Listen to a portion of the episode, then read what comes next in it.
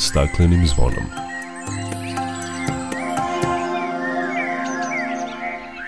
Dobar dan i dobrodošli na Zeleni talas prvog programa radija Radio Televizije Vojvodine. Ja sam Dragana Ratković. Ni ove godine u Egiptu, kao ni prošle godine u Glazgovu na konferenciji o klimi nije bilo jednostavno doći do dogovora o daljim akcijama u borbi protiv klimatskih promena. Čućete reagovanja pojedinih zemalja na kopu 27 i kako je nastupila naša zemlja. Mada je zagađenje voda dobro istražena pojava, nedovoljno pažnje se posvećuje organskim zagađujućim materijama kao što su pesticidi i farmaceutici. Govorit ćemo o tome kakve posledice izazivaju organske materije koje se nađu u otpadnim vodama kao i o inovativnim ekološkim rešenjima na kojima rade naši naučnici.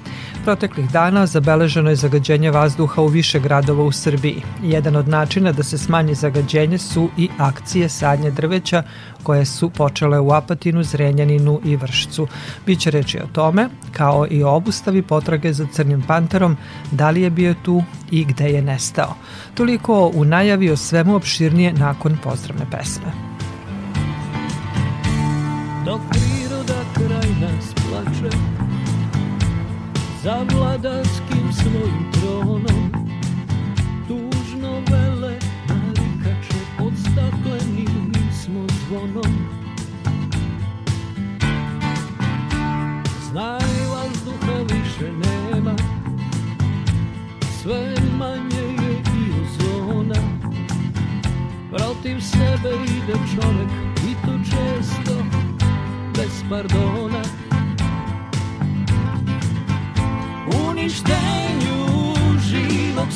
sveta Kao da su ljudi skloni. Čovek sam je sebi meta Zbog njega ovo zvono zvoni Uništenju živog sveta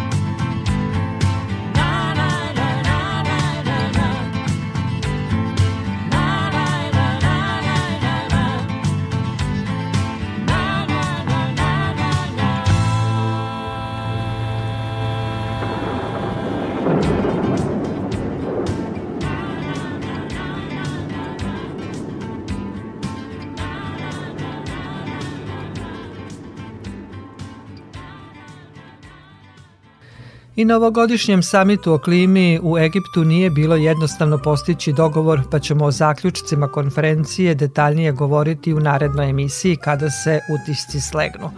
Ono o čemu su svetski lideri se usaglasili na samom početku kopa je da insistiraju na tome da trenutni rat u Ukrajini ne sme da izbaci iz koloseka hitnu i kolektivnu akciju sprečavanja katastrofalnog globalnog zagrevanja. Generalni sekretar Ujedinjenih nacija Antonio Guterres rekao je da je rat u Ukrajini razotkrio duboke rizike naše zavisnosti od fosilnih goriva i to je razlog za veću hitnost i snažniju akciju.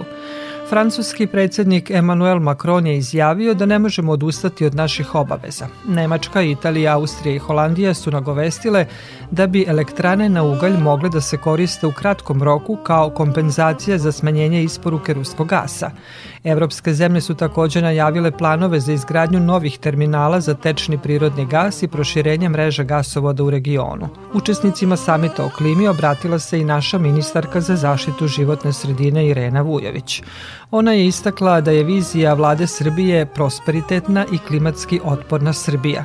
Ova vizija čini okosnicu naše buduće strategije niskougljeničnog razvoja koja će trasirati put dekarbonizacije na nivou celog društva. Ministarka je ukazala na to da će buduća dugoročna strategija postaviti osnove za Srbiju sa čistijim, pouzdanijim i obnovljivim izvorima energije i povećanom energetskom efikasnošću.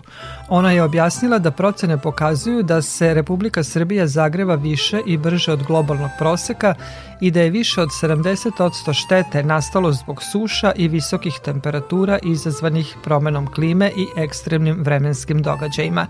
Ministarka je učesnicima samita istakla da je Srbija u avgustu sekretarijatu okvirne konvencije Ujedinjenih nacija o promeni klime dostavila svoj revidirani nacionalno utvrđeni doprinos kojim je definisan cilj smanjenja emisija gasova s efektom staklene bašte od 33,3% do 2030. godine i time povećala klimatsku ambicioznost za više od tri puta u odnosu na prvi nacionalno utvrđeni doprinos. Ona je rekla da je Srbija posvećena ne samo sporazumu iz Pariza, nego i pridruživanju Evropskoj uniji i Evropskom zelenom dogovoru potpisivanjem deklaracije iz Sofije o zelenoj agendi za Zapadni Balkan.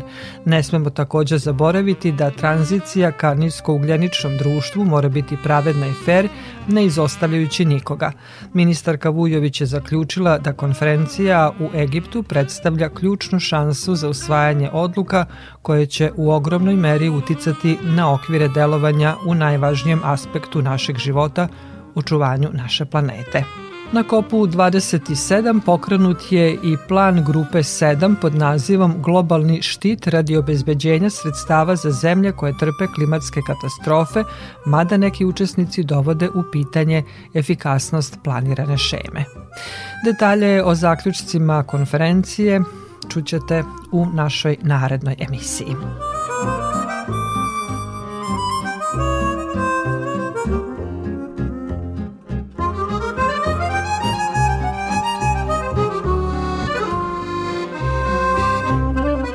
Slušate emisiju pod staklenim zvonom. Meštani Pačira sela kraj Bačke Topole zabrinuti su što je rečica Krivaja u delu toka roze boje, kao i zbog povremeno smeđe vode neprijatnog mirisa koja teče iz slavina. Prema rečima meštana, dva od tri seoska bunara su na 100 metara od banje, te otuda i njihov strah da je seoski vodovod kontaminiran termalnom vodom. Nadležni u mesnoj zajednici i Banji Pačir međutim kažu da ta dva sistema ni na koji način nisu u dodiru, dok iz Zavoda za javno zdravlje Subotica navode da je voda, iako ima i neprijatan miris i boju, ispravna za piće. Oni dodaju da je u Pačiru voda godinama mutna zbog povećanja koncentracije mangana i gvožđa. Ekološki aktivisti pretpostavljaju da termalna voda ugrožava floru i faunu Krivaje. Iz Banja Pačir kažu da je u kišnom periodu pre oko mesec dana došlo do prelivanja jer se pokvarila pumpa koja vraća otpadnu vodu u bunar i tako je ušla roza voda u krivaju.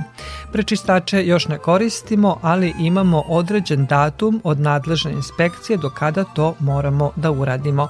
Ova voda nikako ne može da se meša sa vodovodnom mrežom, izjavio je direktor Banja Pačir Endre Husak. Iz pokrajinske vodne inspekcije nemaju informacije o bilo kakvim negativnim posledicama po biljni i životinski svet u reci Krivalji i oko nje. I u nastavku emisije govorit ćemo o prečišćavanju otpadnih voda. Srbija spada u zemlje koje prečišćavaju manje od 10% otpadnih voda i zbog toga je to jedan od najvećih ekoloških problema u čije rješavanje će biti utrošeno i najviše novca. Prečišćavanje otpadnih voda nanosi štete ne samo životnoj sredini, nego i zdravlju ljudi.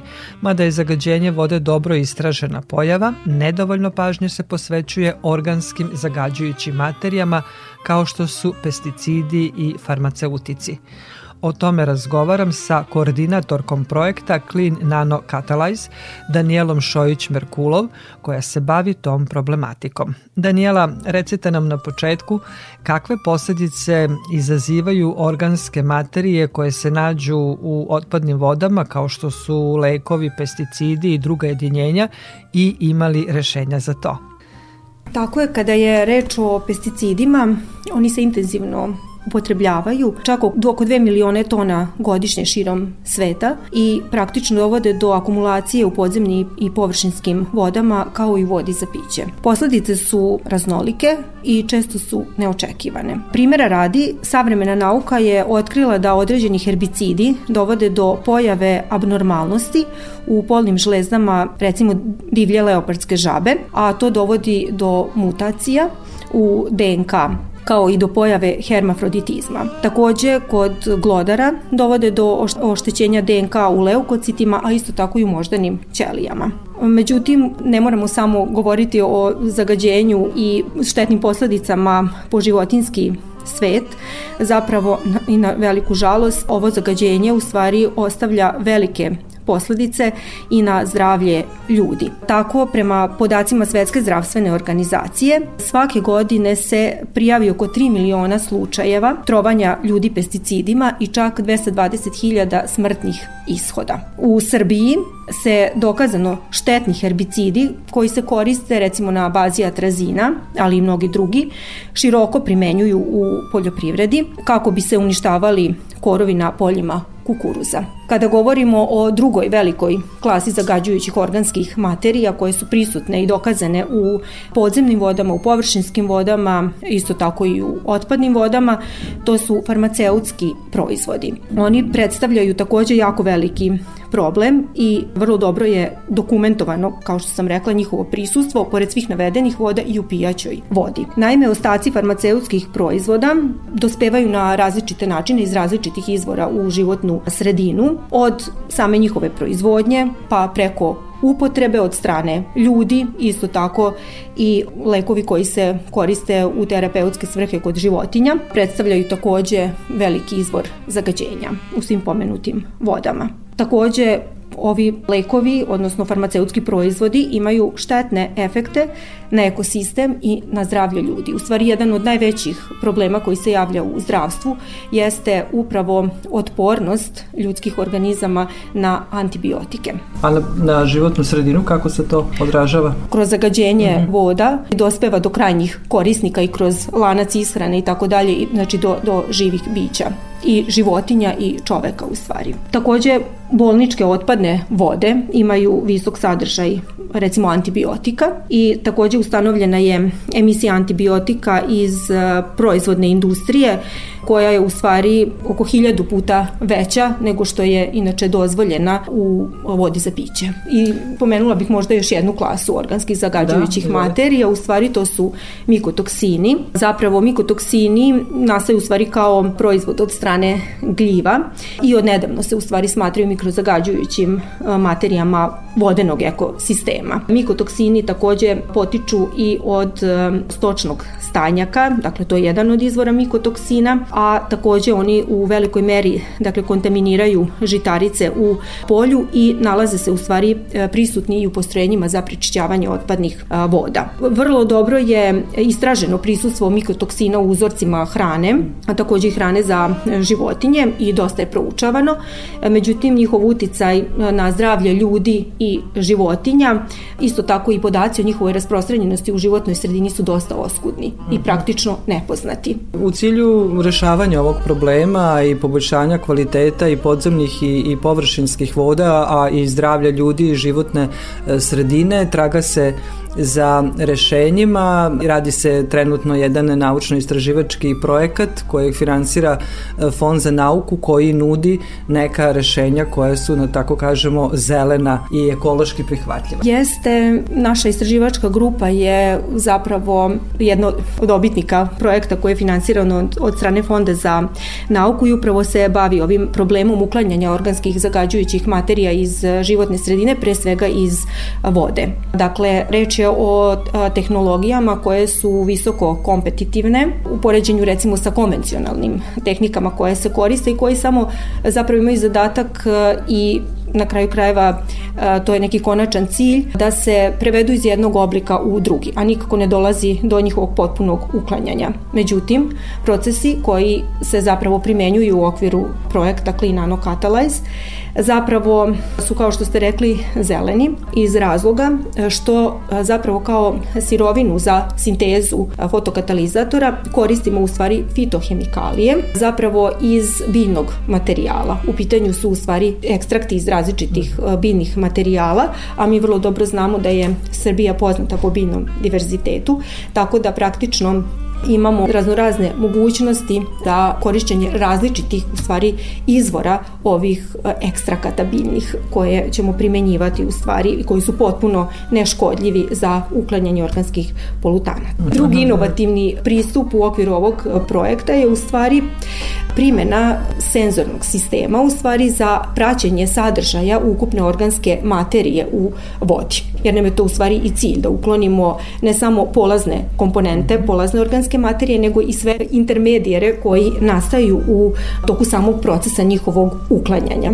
U ovu svrhu, kao što sam rekla, primenit će se senzorski e, sistem pre svega velika prednost ovog sistema jer može da se koristi na licu mesta, dakle u prirodi, ukoliko je potrebno direktno ispratiti sadržaj organske materije, takođe i u pilot postrojenjima koja su planirana kao neki naredni korak nakon e, završetka ovog projekta. Dakle, druga prednost zapravo e, korišćenja senzorskog e, sistema u stvari jeste u ceni njegove izrade, jer za praćenje sadržaja organske materije u laboratorijama, u laboratorijskim uslovima koriste se uređaji koji su rede veličine više desetina hiljada eura u stvari, a ovaj uređaj prema trenutnim procenama našim ne bi trebao da iznosi više od 300 evra.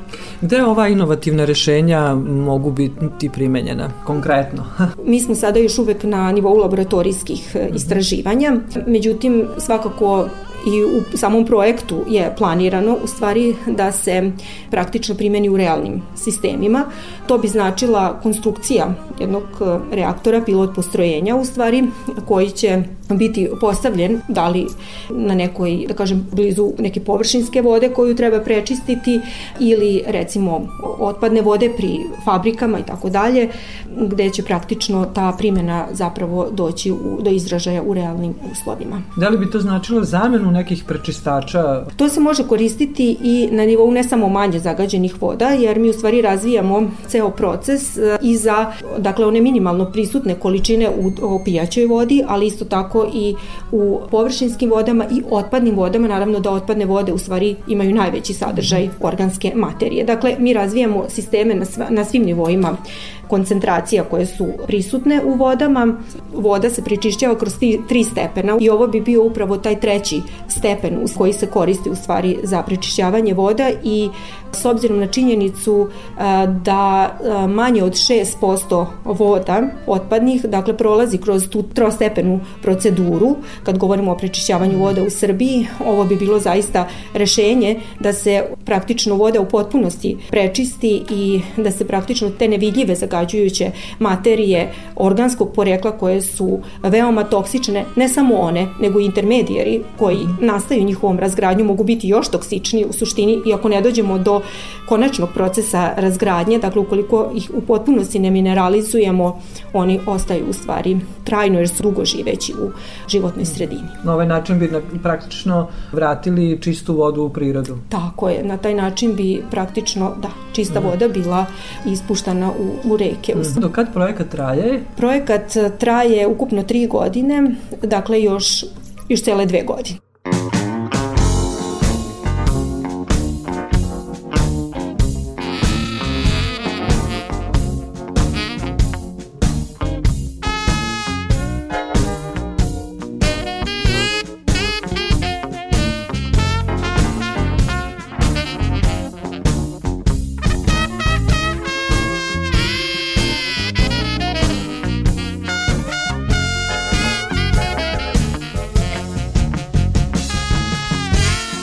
I don't care much about cocaine. And you'll never see me jumping out no airplane. Wine and whiskey don't give me no thrill. And I don't care nothing about them nasty little pills. But women, now that's a whole nother thing.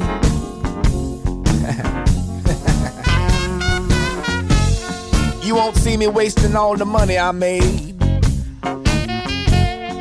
And you ain't gonna never see me drive no Escalade. If you're looking for a handout, you're wasting your time. I wouldn't give a crutch to a cripple. I wouldn't give a bum a dime. But women, whoa, that's a whole nother thing.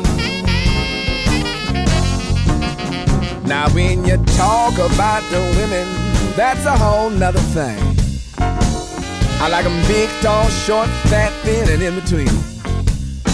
I like them when they're gentle, oh, and I like them when they're mean. I like them when they whisper, but I love them when they scream.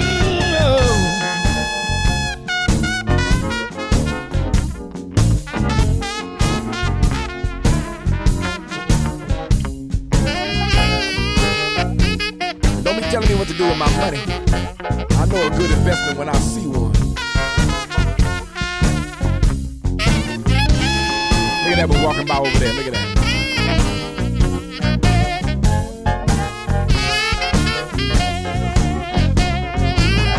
I don't buy stock. I don't place no bets. And I don't be smoking none of them stanky cigarettes. Only one thing make me throw my money away, and that's a little TLC and a little TNA. But women, yeah, that's a whole nother thing. I'ma say it again, look here, women, women, women, that's a whole nother thing. Play the blues, somebody. Oh, baby.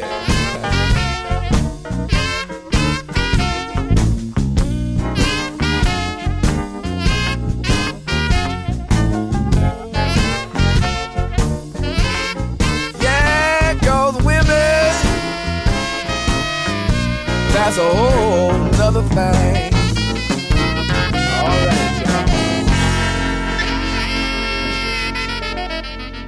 Baby, let me buy you a house. Slušate emisiju pod staklenim zvonom. U Beogradu je prošle nedelje održan protest zbog zagađenja vazduha.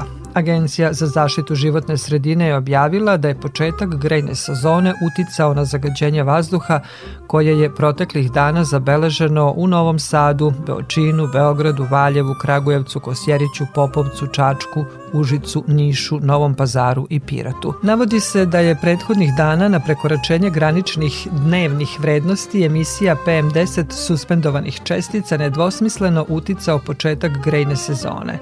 Povišenim vrednostima doprinele su i aktuelne vremenske prilike. Očekuje se da će kiša koja ovih dana pada usloviti pad koncentracije zagađujućih materija. Iz agencije apeluju na građane da savesno postupaju pri izboru energenata za individualna ložišta kako bi doprineli smanjenju emisije zagađujućih materija, odnosno manjem zagađenju vazduha a boljom kvalitetu vazduha doprineće i više zelenila. Na više lokacija u opštini Apatin započelo je pošumljavanje, a zasađeno je hiljadu stabala hrasta lužnjaka.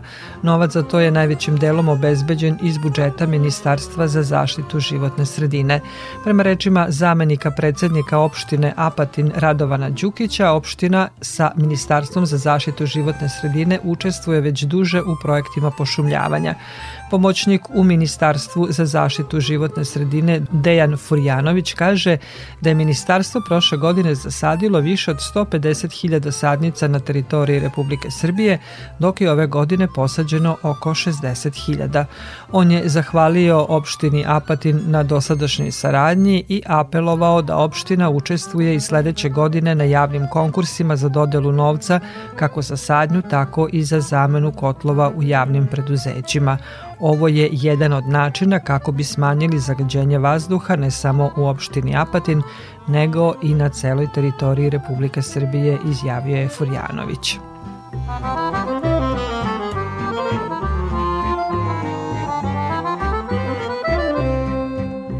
Proteklih dana sadilo se i u opštini Zrenjanin. Javno vodoprivredno preduzeće Voda Vojvodine započelo je veliku jesenju akciju pošumljavanja sadnjom 26.600 sadnica bagrema na kanalu DTD u Melencima. O tome Eleonora Horvat. U sklopu akcije Srbija sadi javno vodoprivredno preduzeće Vode Vojvodine po prvi put je započelo sadnju zaštitnih poljoprivrednih pojaseva na obali kanala hidrosistema Dunav-Tisa-Dunav, kaže Srđan Kružević, direktor javno vodoprivrednog preduzeća Vode Vojvodine. Sledeće godine radimo na poljozaštitnim pojasima kako bismo se borili protiv suše, kako bismo sprečili negativan uticaj vetra na poljoprivredno zemljište, na isušenje i naravno na, na, na očuvanje vlage na poljoprivrednom zemljištu, jer ste videli šta nam je suša uradila ove godine. Na lokalitetu u ataru sela Melenci započeta je sadnja 26.600 sadnica bagrema, a pošumljavanje je značajno i sa aspekta poljoprivrede. Ističe Jelena Tankosić, ministarka poljoprivrede, vodoprivrede i šumarstva. Jako bitno podizanje svesti pošumljavanja, jako je bitno šta to nama znači, pre svega u Vojvodini koja ima samo 7% pošumljenosti u ovom trenutku i evo čuli ste i od direktora, nadamo se da ćemo u nekom narednom periodu podići ovaj procenat. U cilju sprečavanja suše pokrajinski sekretarijat za poljoprivredu planira izdvojiti oko milijardu dinara za pošumljavanje, kao i za pretvaranje kanala za odvodnjavanje u dvonamenske kanale, rekao je Vladimir Galić, pokrajinski sekretar za poljoprivredu, vodoprivredu i šumarstvo. Nama je svaka druga godina sušna, svaka peta godina je katastrofalno sušna. Ukoliko želimo da stvarno pomognemo našim poljoprivrednicima, mislim da moramo to da izvučemo kao prvi iz najznačajniji prioritet u daljem radu kako pokrajinskog sekretarijata, tako i Ministarstva poljoprivrede. Potec gde je započeta akcija pošumljavanja jedan je od najmanje pošumljenih teritorija u Srbiji, kaže Simo Salapura, gradonačelnik Zrenjanina. Imamo novih 26.600 sadnica na 10 hektara, što umnogome znači za našu jedinicu lokalne samouprave, a takođe znači za popravljanje celokupnog ekološkog ambijenta na teritoriji našeg grada. Tokom proleća javno vodoprivredno preduzeće Vode Vojvodine zasadilo je oko 150.000 sadnica bagrema, vrbe, topole i bresta, dok je plan da se ove godine zasadi 200.000 sadnica na 150 hektara zemljišta.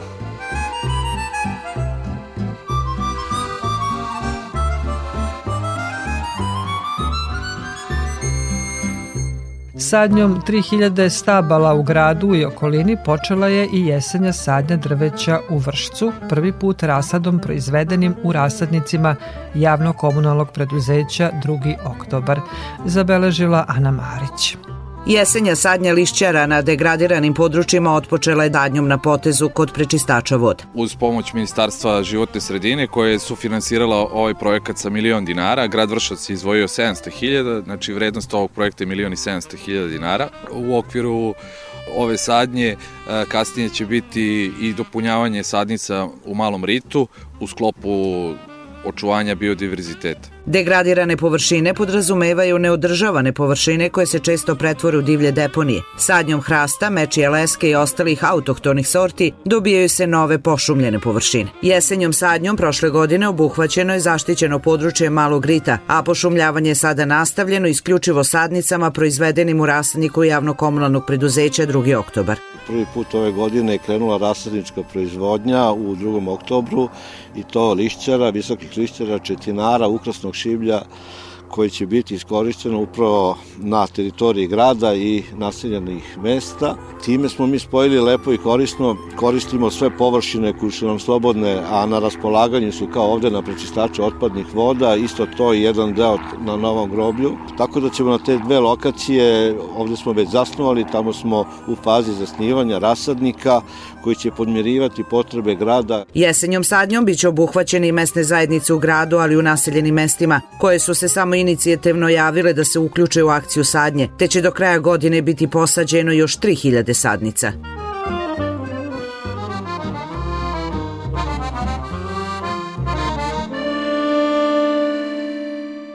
Slušate emisiju pod staklenim zvonom. Upravljači zaštićenih prirodnih područja u pokrajini i sledeće godine, kao što su i ove, moći će da računaju na podršku Pokrajinskog sekretarijata za urbanizam i zaštitu životne sredine za svoje projektne aktivnosti u iznosu od 28 miliona dinara. Jedna takva aktivnost jeste očuvanje šafranike, biljke koja se osim u našoj zemlji može pronaći jedino još u delovima Mađarske, Rumunije i u Francuskoj. U Hajdukovu kod Subotice održan je skup na kojem su sumirane dve decenije aktivnosti na njenoj zaštiti. O tome Kristijan Takač. Već 15 godina čuvari prirode okupljeni u javnom preduzeću Palić Ludaš nastoje da na lokalitetima kojima upravljaju očuvaju zakonom strogo zaštićenu endemsku biljnu vrstu šafranjiku – Zaštita se sprovodi uređenjem okruženja u kojem raste. Prati se brojnost populacije koja je sa nekoliko porasla na stotinu hiljada jedinki tokom dve decenije a sprovode se i promotivne aktivnosti i razmena iskustava sa zaštitarima iz inostranstva. Šta građani trebaju da znaju o ovoj biljci govori Sandra Čokić-Reh iz javnog preduzeća Palić Ludaš. Mi inače svake godine držimo predavanja, vodimo i grupe i decu i zainteresovane građane i pokazujemo im staništa, pokazujemo im te jedinke i ukazujemo na, na značaj. Znači ono što mogu ljudi da rade, da uživaju u lepoti i taj neki estetski doživlje je nešto primarno. Aktivnosti na zaštiti ove endemske vrste je ove godine sa 2,4 miliona dinara podržao i pokrajinski sekretarijat za urbanizam i zaštitu životne sredine u sklopu šireg konkursa koji je bio namenjen upravljačima zaštićenih prirodnih područja. O tom konkursu govori pomoćnik pokrajinskog sekretara Gojko Palalić budžet e, autonomne pokrajine Vojvodine, to je pokrajinskog sekretarijata konkretno za poslove zaštite prirode i za upravljače iznosi 28 miliona dinara i on će biti opredeljen i za sledeću godinu, dakle za upravljače zaštićenih područja. Konferenciji posvećenoj dosadašnjim rezultatima u zaštiti ove biljke prisustovali su i zaštitari iz Mađarske, sa kojima njihove kolege iz Srbije blisko sarađuju u stvarenju istog cilja.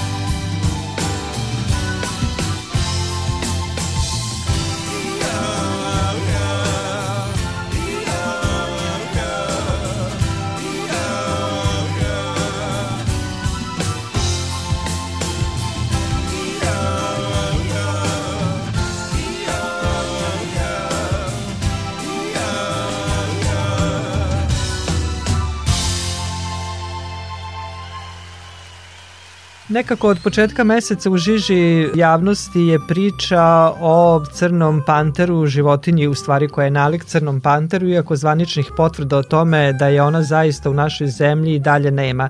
Nadležne službe na osnovu svedočenja jednog snimka, iako nisu imali neki opipljivi dokaz, pokušali su da lociraju životinju na doma Kapatina, ali pretragom terena nisu pronašli ni jedan trag, pa je potraga obustavljena. Da li je crni panter bio ovde gde je mogao da ode i kako se crni panter ponaša na slobodi u prirodi, a kako u zološkim vrtovima. O tome razgovaram sa biologom u zološkom vrtu u Beogradu, Kristijanom Ovarijem. Kristijane, dobrodošli na Talasa Radio Novog Sada. Hvala, bolje vas našao. Kristijane, ovih dana zaista smo svi e, bili zainteresovani da čujemo informacije o navodno crnom panteru koji je viđen u okolini Apatina i Banje Junaković, ali ovih dana je obustavljena pretraga jer kažu nisu pronašli nikakav dokaz o tome da da se u tom mataru nalazi ta egzotična divlja velika mačka. Da li postoji mogućnost da je ona bila na ovoj teritoriji? Pa sad u svetu svega onoga što se ovih dana dešava, jeli, ako uzmemo ne tako davno je onaj lav zaplenjen u Subotici iz, iz privatnog vlasništva, Znači, mi možemo da pretpostavimo da ilegalna trgovina životinjama naravno postoji i da apetiti rastu, tako da ja ne isključujem mogućnost da je to neči odbegli pod navodnicima kućni ljubimac ili je prosto životinja koja odbegla prilikom nekog ilegalnog transporta. Znači, to je uvek moguće i takve stvari se uvek mogu dešavati. Imali smo i te situacije kad ne se setimo, jeli ne tako davno, mada tome sada će ima više od 10 godina, kada je Miki uz koluta pobegao medved, pa se fotkao sa omladinom ispred diskoteke dok ga Miki nije vratio kući. Znači, takve stvari se sve dešavaju. Ono što je, međutim, problem ovog leoparda su dve stvari. Prvo, što u suštini nije teško, mislim leopard inače taj novita skrovita životinje koja je izuzetno teško ući u tragu prirodnom staništu, ali jako je sramežljiva. Druga stvar je u tome što znači, mužjaci drže prostor oko 50 km kvadratnih, ženke malo manje, ali taj prostor može da bude i po nekoliko stotina kilometara kvadratnih u zavisnosti od podvrste leoparda o kojoj pričamo. Tako da suštinski gledano sad vi tražite iglu plastu sena u ovom slučaju jer on ima crno kamuflažno krzno, znači lako se sakriva, mačka kao mačka penje se po drveću, nalazi najnevrovatnije moguće skrovišta, znači izuzetno ga je teško naći. Tako da u tom slučaju je razumljivo da su vlasti faktički privremeno odustale od potrage, prosto traže nove dokaze, traže, neki novi trag da bi moglo da se krene tuda, jer ovako je to ili malo, što kažu, izuzetno iscrpljujuće držati ljude danima na terenu, a umeđu vremenu je on već mogao da ode i haj kilometara dalje. Rekli ste da je tako samo zatajan, tihi i neprimetan. Kako se crni panter ponaša na slobodi? Da li u stvari on može u ovim uslovima kao što su Gornje Podovnavlje, okolina Apatina, Banje Junaković da živi tako neprimetno neko duže vreme? Pa sad, realno gledano, naravno da, ako pogledamo prethodni vremenski period, bilo je leto, jeli, uh, imali smo kukuruz, imali smo pšenicu, imali smo visoku vegetaciju, imali smo špunasto rastinje, znači sve to igra na ulogu u bilo koje životinji koja se skriva. Mislim, mi ako pogledamo, znamo da je srneća divljač mnogo češća i koliko je ima, međutim, realno tu i tamo tik kad putujete negde ugledate slučajno nekog zlutog srndaća na poljima, iako je to što kaže desetini hiljada životinje koje cijeli bazuju tamo našim matarima. Tako da, suštinski gledano, a uzmete obzir da je ovo životinja koja nije kao srndać, nego tek je ovaj, jeli, tajnovita, skriva se, znači nju je izuzetno teško naći, pa čak i onda kad je nametno tražno. Može li tu da obstaje, dolazi zima? Pa mi nemamo medvede i vukove, nemamo znači tu neke, ne, te neke krupne predatore, tako da on tu praktički nema nikakve konkurencije za hranu, znači rečevi, koje kakvi fazani, jeli ove srneća divljač, odbegli kućni ljubimci, sve to može da se nađe na meniju ove životinje, tako da u svakom slučaju ne plašim se tog dela da neće moći da prezimi, Znači, nekada davno velike mačke jesu nastanjivale ove naše predele, samo ljudskom aktivnošću su one faktički po potpunosti nestale sa ovih prostora, kao što je nestalo i pragoveče, kao što je nestalo i prakonj. Znači, mnogo toga smo mi u svojoj ekspanziji civilizacije do 15. veka u potpunosti istrebili sa ovih prostora. Dakle, nije vezan za klimatske uslove, pošto najčešće ove, ovaj, ih nalazimo u, u Aziji i Africi. Ako pogledate amurskog ili kineskog leoparda, on nastanjuje mnogo nego što ljubivije uslove nego što su ovi naši kod u Srbiji. Znači može mnogo niže temperature, može do minus 40 temperaturu da prezimi. Tako da postoje različite podvrste. Nije svaki leopard onaj tropski iz Afrike od 35 kila. Persijski leopard je najveći među njima i najveći mužjak izmeren je bio preko 96 kila u divljini. Tako da suštinski gledano, znači mogu jako da variraju u veličini, a samim tim mogu jako dobro da podnesu i naše klimatske uslove. Dakle, rekli ste da su u prirodi ovako dosta tihi, povučeni, samozatajni, a kako se oni ponašaju u zološkim vrtovima kada su, eto, možemo reći uslovno rečeno u zatočeništvu? Pa mogu reći da u zološkim vrtovima su vrlo plahe životinje. Ovaj, evo ja gledam našeg pesijskog leoparda Gorana koji je jako lep, veliki primerak Međutim, svako jutro kako mi pustimo tigrove u dvorište, tako Goran spakuje svoje kofere, zavuče se u svoju pećinu i on krene da spava. Tako da je malo ne isključivo samo noću aktivan, a preko dana izbegava kontakt sa posetiocima. Posetioci mogu skrišiti samo kao jednu tačkastu crtu koja je tamo negde u nekom ćošku u svom brlogu. Tako da je on vrlo trenovita životinja. I mogu vam reći da čak i kada kolege donose hranu i nešto ne pokazuje nikakvu posebnu agresiju prema njima. Znači jednostavno to je životinja koja ako se ne oseti ugroženo, ona sama prva neće inicijirati napad na čoveka. Dakle, nema razloga za paniku neku među građanstvom kojih je ovih dana, čuli smo čak i bilo u okolini Apatina i sad i nekim drugim mestima u Vojvodini. Panika nikad nije dobar saveznik. Znači, za paniku nikad nema prostora i nikad se ne sme paničiti. Panika sama po sebi hoće da pobije više ljudi nego bilo šta drugo. Znači, jer ako mi paničimo, onda se ponašamo iracionalno, kreće histerija, kreće čovek da, jeli, drami, a to nije konstruktivno. To nikad neće biti dobro. Ja imam običaj ovde da se šalim, što kaže u firmi, ne trebam ja brže da trčim od leoparda, ja treba samo od kolege žuveta da trčim brže, jer on hrani leoparda, pa onda u tom kontekstu, ovaj, jeli, to je sad mala pošalica, u principu on će napasti jednog, ne može on svakog da napadne. Nije to bik na rodeu, razumete, pa da je sad van sebe i da kreće, da napada sve što mu se nađe na putu. Znači, jednostavno, to su životinje koji su vrhunski predatori, moraju da čuvaju svoju snagu, ne izlažu se bespotrebnim povredama, jer svaki dan njihovog bolovanja, pod navodnicima, znači jedan dan manje za ishranu. Tako da, te kako su oprezni samim tim, mislim, kad pogledamo i ta njihova čula, te velike oči, te uši, te brkove i tako dalje, znači to je predimenzionirana mačka koja se i tekako dobro snalazi u mraku i jako je vešta u hvatanju plena koji je slabiji od nje. Apsolutno, jer čovek nije primarni target, osim u slučaju da sad mi iz nekog razloga ne krenemo da ga ugrožavamo. Ovo nije njeno prirodno stanište, tako da tu možemo da apsolutno ovaj, sa spiska prevučemo brigu o mladima i te neke faktore za koje bi životinja mogla biti agresivna, tako da će ona u svakom slučaju izbjegavati kontakt sa ljudima. Mislim, vidimo i ovo koliko god da se čuvarske službe i razni organi trude da ga nađu, pa im je teško ući u trag, tako da jednostavno ta životinja je vrlo tajnovita i mala je verovatnoća da će čovek imati prilike da uđe u sukob sa njom da iako se utvrdi da postoji i bude uhvaćena, za njeno zbrinjavanje biće zadužen neko od zoloških vrtova, nadam se, ovde kod pa, nas. Suštinski gledano, to će biti vlasništvo Republike Srbije i ministarstvo za, nadležno za poslove zaštite životne sredine će se izjasniti kome će dodeliti životinju na čuvanje.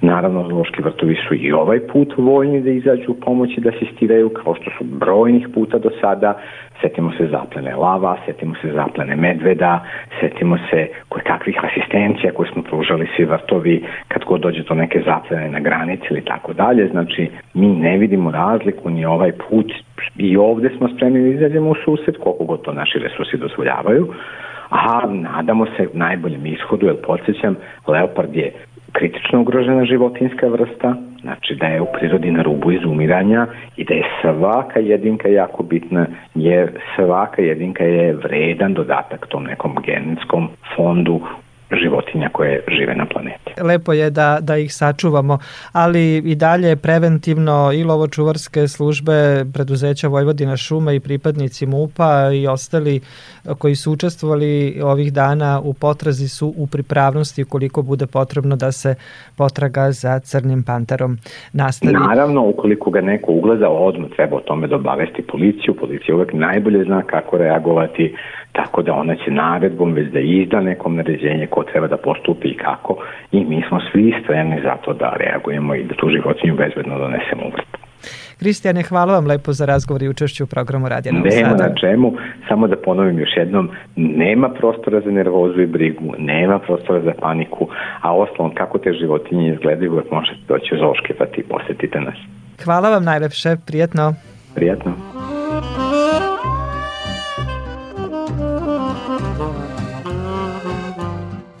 Čuli ste biologa u Zološkom vrtu u Beogradu Kristijana Ovarija koji kaže da nema razloga za paniku, da je crni panter veoma tajnovit i tih i nikada neće napasti čoveka ako nije životno ugrožen. No, drugi ne misle tako, pa šire paniku i strah među stanovnicima opštine Indija, pa je opština podnala krivične prijeve protiv NN lica za krivično delo zloupotrebe grba i institucije opštine, kao i za krivično delo širenja panike među stanovnicima zbog navodne pojave crnog pantera na teritoriji te opštine. O tome Mirjana Stupar. Na društvenim mrežama pojavila se informacija u potpisu predsednika opštine i sa grbom opštine Inđija da je na teritoriji opštine primećen crni panter i da se uvodi zabrana kretanja od 20 časova do 6 sati ujutru. Na ovu informaciju većina meštana Novih Karlovaca nije ostala ravnodušna, s obzirom na to da ukazuje na mogućnost da se ovaj predator nalazi u njihovoj blizini. Normalno da, da nije nikom svejedno. Možda ćete više zaprašiti javnost sa tim o, lošim gestom da se nešto pojavilo ovde što, čega nema. Pa nije u redu, što da kažem.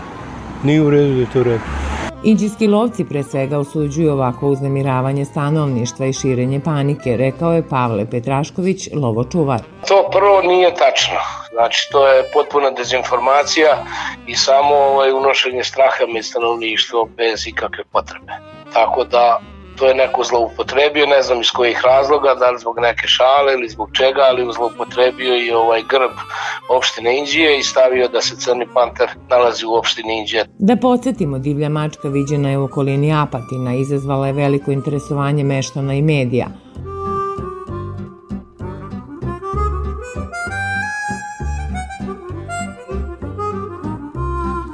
Slušate emisiju pod staklenim zvonom. Potpisivanjem sporazuma o realizaciji stručne prakse između Pokrajinskog sekretarijata za urbanizam i zaštitu životne sredine i Fakulteta tehničkih nauka u Novom Sadu, studentima inženjerstva zaštite životne sredine biće omogućeno da se upoznaju sa aktivnostima sekretarijata, odnosno pokrajinskih institucija. Istovremeno saznaće više o perspektivama za rad i razvoj karijere u toj oblasti. Opširnije Biljana Kuriš. Realizacija stručne prakse za sve studente pa i buduće zaštitare životne sredine od nacionalnog značaja, ističe resorni sekretar Nemanja Erceg napominjući da se od sadašnjih generacija studenta očekuje da kreiraju nove politike u oblasti zaštite životne sredine. Nije dovoljno samo biti student na fakultetu, student je izvan fakulteta. Tako da ponašanje studenta kroz ovaj program će omogućiti svakako da to budu novi ambasadori koji će politiku kreiranja zaštite životne sredine i tekako prezentovati na pravi način. Osim stručne prakse, neophodno je otići i korak dalje, pa tako je od strane fakulteta stigao i stručni predlog, a to je obezbeđivanje licence za izradu određenih akata i studija za buduće inženjere zaštite životne sredine. Dekan fakulteta tehničkih nauka, profesor dr. Srđan Kolaković. Mislim da je to u ovom trenutku najbitnije da sa našom državom rešimo taj mali problem. Svugde u Evropi, kao što znate, zašto životne sredine je istaknuta na prvo mesto, želimo da to bude i kod nas.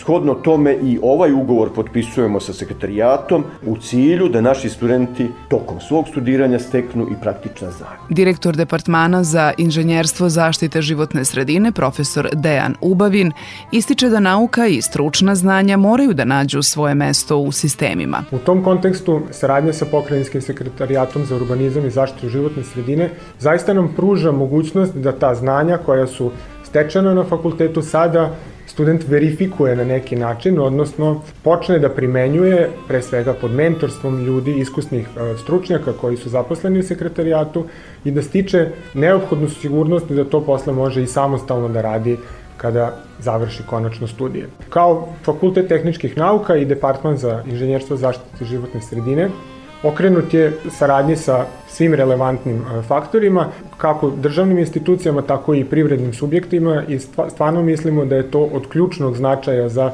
formiranje jednog e, savremenog inženjera, inženjera koji može da odgovori sadašnjim, ali i budućim potrebama koje su zaista izazovne imajući u vidu promene koje se dešavaju na polju zaštite životne sredine. Sporazum o realizaciji stručne prakse za studente inženjerstva zaštite životne sredine dodatno će poboljšati kvalitet nastave i vidljivost struke od koje se u budućnosti mnogo očekuje. S tim u vezi je i realizacija nekoliko projekata u Vojvodini, napominje dekan Kolaković. Mi stalno govorimo o putu u Evropsku zajednicu, a zaboravljamo, a iz iskustva susednih zemalja znamo da su velika, hoću reći, čak ogromna sredstva morala biti uložena u zaštitu životne sredine. Voda, vazduh, podzemna voda, površinska voda ne poznaju granice.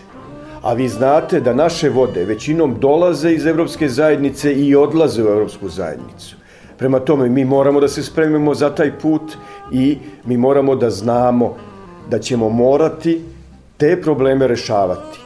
Ja se zadovoljstvom mogu, kao što je i sekretar rekao, pošto sam i član revizio, e, pokrenjske revizijone komisije, a i učestvujem u nekim od tih projekata, da se velike aktivnosti u ovom trenutku vode na području, ja ću reći pre svega Vojvodine, gde smo dovoljno upućeni, na realizaciju tih programa. Urađen je projekat centralne deponije za Južnu Baču, za radi se projekat centralnog prečistača Novosadskoga, rade se projekti centralnih prečistača Zrenjanina i još nekih gradova u Vojvodini. Prema tome, ovi kadrovi će naći svoje mesto, ali mi moramo biti spremni da sa kvalitetnim kadrovima idemo u realizaciju ovih projekata. Osim što stiču znanja i sada praksu, studenti Fakulteta tehničkih nauka istovremeno učestvuju na mnogobrojnim projektima, među kojima su i projekti za zaštitu životne sredine. U ovom trenutku aktivno je čak 140 međunarodnih projekata, ističe dekan Srđan Kolaković.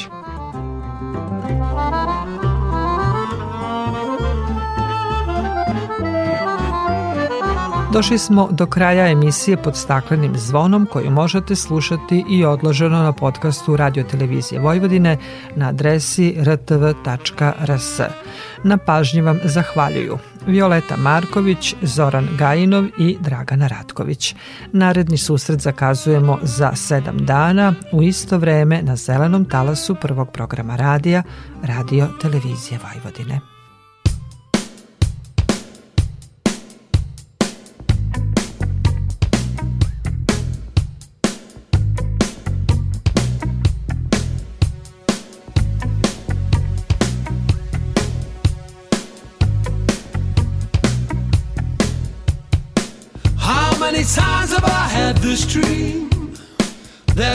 Me from my slumber.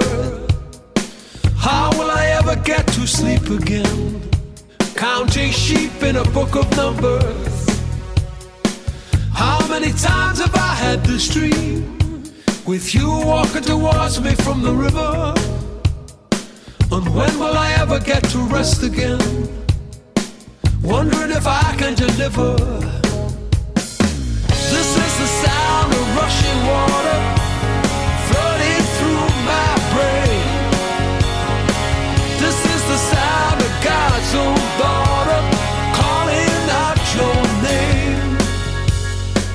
This is the sound of atmospheres, three metric tons of pressure. This is the sum of all my fears, something I just can't measure. I remember the story of Jonah. He was trapped in the belly of a whale. How many times must he succeed? How many times must he fail? This is the sound of rushing water flooding through my brain.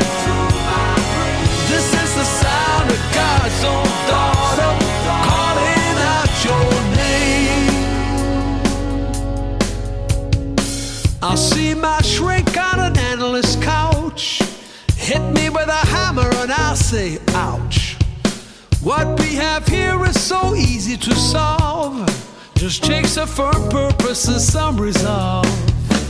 This is the sound of rushing water